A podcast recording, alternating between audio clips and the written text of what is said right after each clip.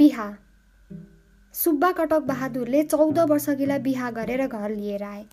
भन्नुपर्ने कुरा यति हो र कटक बहादुरलाई नचिन्ने योभन्दा धेरै कुरा सुन्न पनि चाहँदैनन् तर मलाई चौध वर्षकी भन्नासाथ केटीको विषयमा जान्ने रहर लाग्छ। सुब्बा कटक बहादुर निश्चय नै छिप्पिएका होलान्। मैले सानो उमेरको सुब्बा देखेको छैन। वर्षक यो उनको अर्को बिहा हो। पहिलेकी दुलैबाट दुईवटा छोरा होलान् र उसको मृत्यु भएपछि यी चौध वर्षकीलाई बिहा गरेको होला। कटक बहादुरलाई त के छ?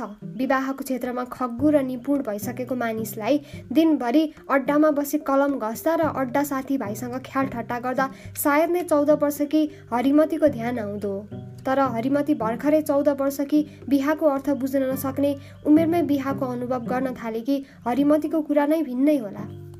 मैले एउटा बिहे देखेको छु। म जन्तीपट्टि थिएँ। हामीहरूलाई चार बजेको निम्ता थियो तर जन्ती आठ बजेभन्दा पहिले निस्केनन्। हामीहरू बाहिर बसी बसी जन्ती निकाल्ने उद्योगमा थियौँ तर दुलाहाले नै अबेर गरे। उनी सिङ्गार पारिरहेका छन् रे। विवाहको अवसरमा एकचोटि सिँगारिने मौका पाइन्छ भनी हामीहरू चुप लागि उनको प्रतीक्षा गरिरहेका थियौँ। मैले दुलालाई देखेको थिइनँ। कस्ता होलान्?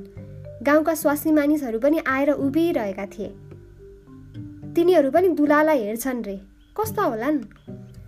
दुलाहा भन्नासाथ बिस बाइस वर्षको युवकको कल्पना हुन थाल्छ र ती ग्रामीण रमणीहरू पनि यस्तै दुलाहाको कल्पना गर्ने हेर्न उभिरहेका होलान्। धेरै बेरपछि ढोकातिर खलबली भयो। दुला आए दुला आए भनेर सब उतातिर ओहिरिन लागे। तर मैले चिन्न सकिनँ कुन चाहिँ नै दुला हुन्? सब छिप्पेका उमेरका मानिसहरू ढोकाबाट बाहिर निस्के। यसै ठम्ब्याउन नसके पनि पहिरनले ती कालो कोट लगाउने नै दुला हुन् भनी ठाने। नभन्दै ती नै रहेछन्। आफ्नो खुसी र सुखलाई नदेखाउँ भन्दा भन्दै पनि उनको आकृति चलाइ र बोलाइले नै तिनी दुनियाँका सबैभन्दा सुखी मानिस जस्ता देखिन्थे। ठिक आठ बजे जन्ती घरबाट बाहिर निस्कियो। दुला हात्तीमा चढे र हामी पैदल हिँड्यौँ। मलाई दुला देख्न साथै दुलैको ध्यान आउन थाल्यो। दुलै पनि त्यस्तै पैँतिस र चालिसको ढोकाबाट निस्कि भने सारा उत्साह व्यर्थ हुनेछ। तर सानी चौध वर्षकी निस्कि भने मैले यसो हात्तीमा चढेको दुलातिर हेरेँ र मैले नजिकै हिँड्ने एउटा भद्र मानिसलाई सोधेँ। दुलाको यो पहिलो बिहा हो उसले उत्तर दियो अह पहिले कि दुलै नि? ऊ मरेर त यो अर्को बिहा गर्न हिँडेका? यिनको पहिले कि दुलैबाट दुईवटा छोरा छन्। घरमा स्वासी मानिस नभएर घर नचल्ने त्यसमा पनि छोराहरूलाई हेरिदिने कोही नहुँदा यिनले बिहा गर्नु परेको। दुलाहापट्टिबाट निश्चिन्त भइमा दुलैको कल्पना गर्न थालेँ। दुलाहाको त घर चलाउनु थियो ती साना साना केटाकेटीहरूलाई हेरिदिने मानिस ल्याउनु थियो र बिहा गरे। तर यिनको घर चलाउने र यिनका छोराछोरीलाई हेरिदिन आउने दुलै कस्ती होलिन्। ती निश्चय नै बढेकी होलिन् नत्र कसरी घर चलाउलिन्? कसरी छोराछोरीलाई हेर्लिन् उनलाई पनि थाहा होला कस्तो घर छ र कस्ता केटाकेटी छन्। म दुलैको विषयमा पनि निश्चिन्त भएँ र दुलैको घर पुग्ने बखतमा मलाई फेरि उत्साह आउन थाल्यो।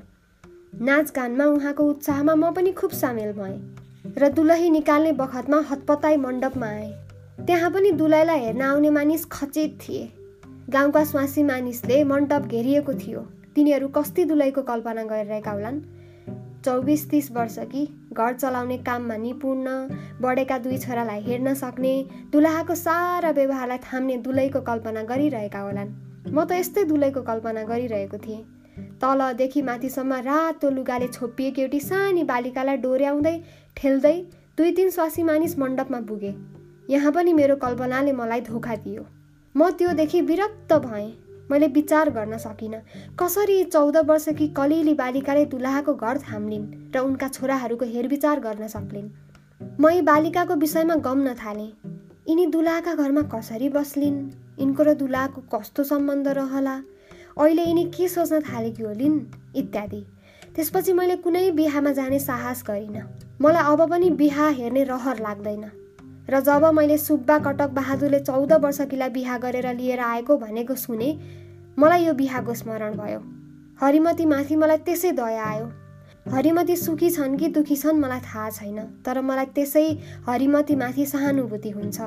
हरिमतीले दुलाहा भनेको सुनेकै होला। बिहाको विषयमा उसका साथीहरूले उसलाई जिस्काउँदा रहर नै लाग्यो होला। उसले पनि आफ्नो दुलाको कल्पना गरेकी होली। उसले पतिको कस्तो कल्पना गरेकी होली? जवान कि कटक बहादुर जस्तै छिप्पिएको कि आफू जस्तै सानो केटो त्यसपछि के ठानेकी होली? कस्तो सुखको कल्पना गरेकी होली? मिठो खान पाइएला राम्रो लाउन पाइएला वा बाजागाजा साथ डोली चढी हिँड्न पाइएला भन्ने सुखको कल्पना गरेकी होली? बिहा गरेर घरमा आएपछि हरिमतीको कल्पना सत्य कि झुटो? कटक बहादुर र हरिमती कस्ता कुरा गर्दा होलान्?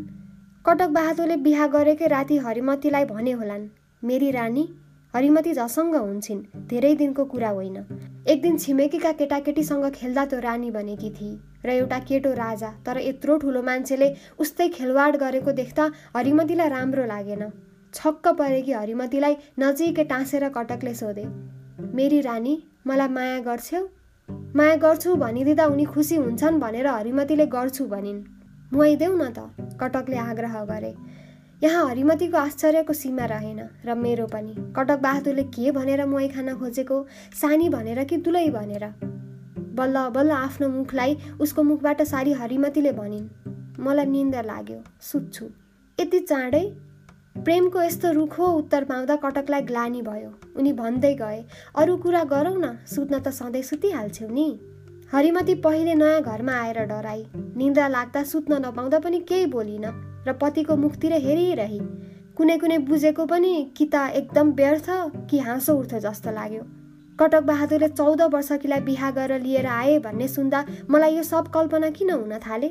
सायद हरिमती र उनीसँग यस्तो केही कुरा भएन होला। उनले हरिमतीसँग प्रथम प्रश्न गरे होलान् नानी तिम्रो नाम के हो भन त? यस्तो मिठो ढङ्गसँग सोधेको देख्दा नयाँ मानिससँग पनि नडराई हरिमतीले उत्तर दिइन् हरिमती तिमीले कति पढेको छ? कखरा सित्दै भर्खर साना साना पुस्तक बाँच्न थालेकी छु। अबदेखि मसँग पढे। जाऊ अब निन्द लाग्यो होला सुत। हरिमतीलाई सुताई ओढ्ने ओढाई उनी आफ्नो घरको हिसाब मिलाउन लागे होलान्। बिहान भएपछि उसलाई उठाउँछन् नुहाउन लगाउँछन् र खाजा खाएपछि एकछिन पढ्न भन्छन् र बिरिएको ठाउँमा आफै सिकाउँछन्। खाइसकेपछि किताबहरू एउटा बासामा बाँधी सधैँको जस्तो हरिमती स्कुल जान्छन्। तर म सोध्छु त्यसो भए कटक बहादुरले किन बिहा गरे? छोरी नभएर छोरीको रहर पुर्याउन? त्यसो भए ल्याएकै दिन बढेकी कन्याको बिहा गरिदिनु पर्ने पिर तिनलाई थपियो होला।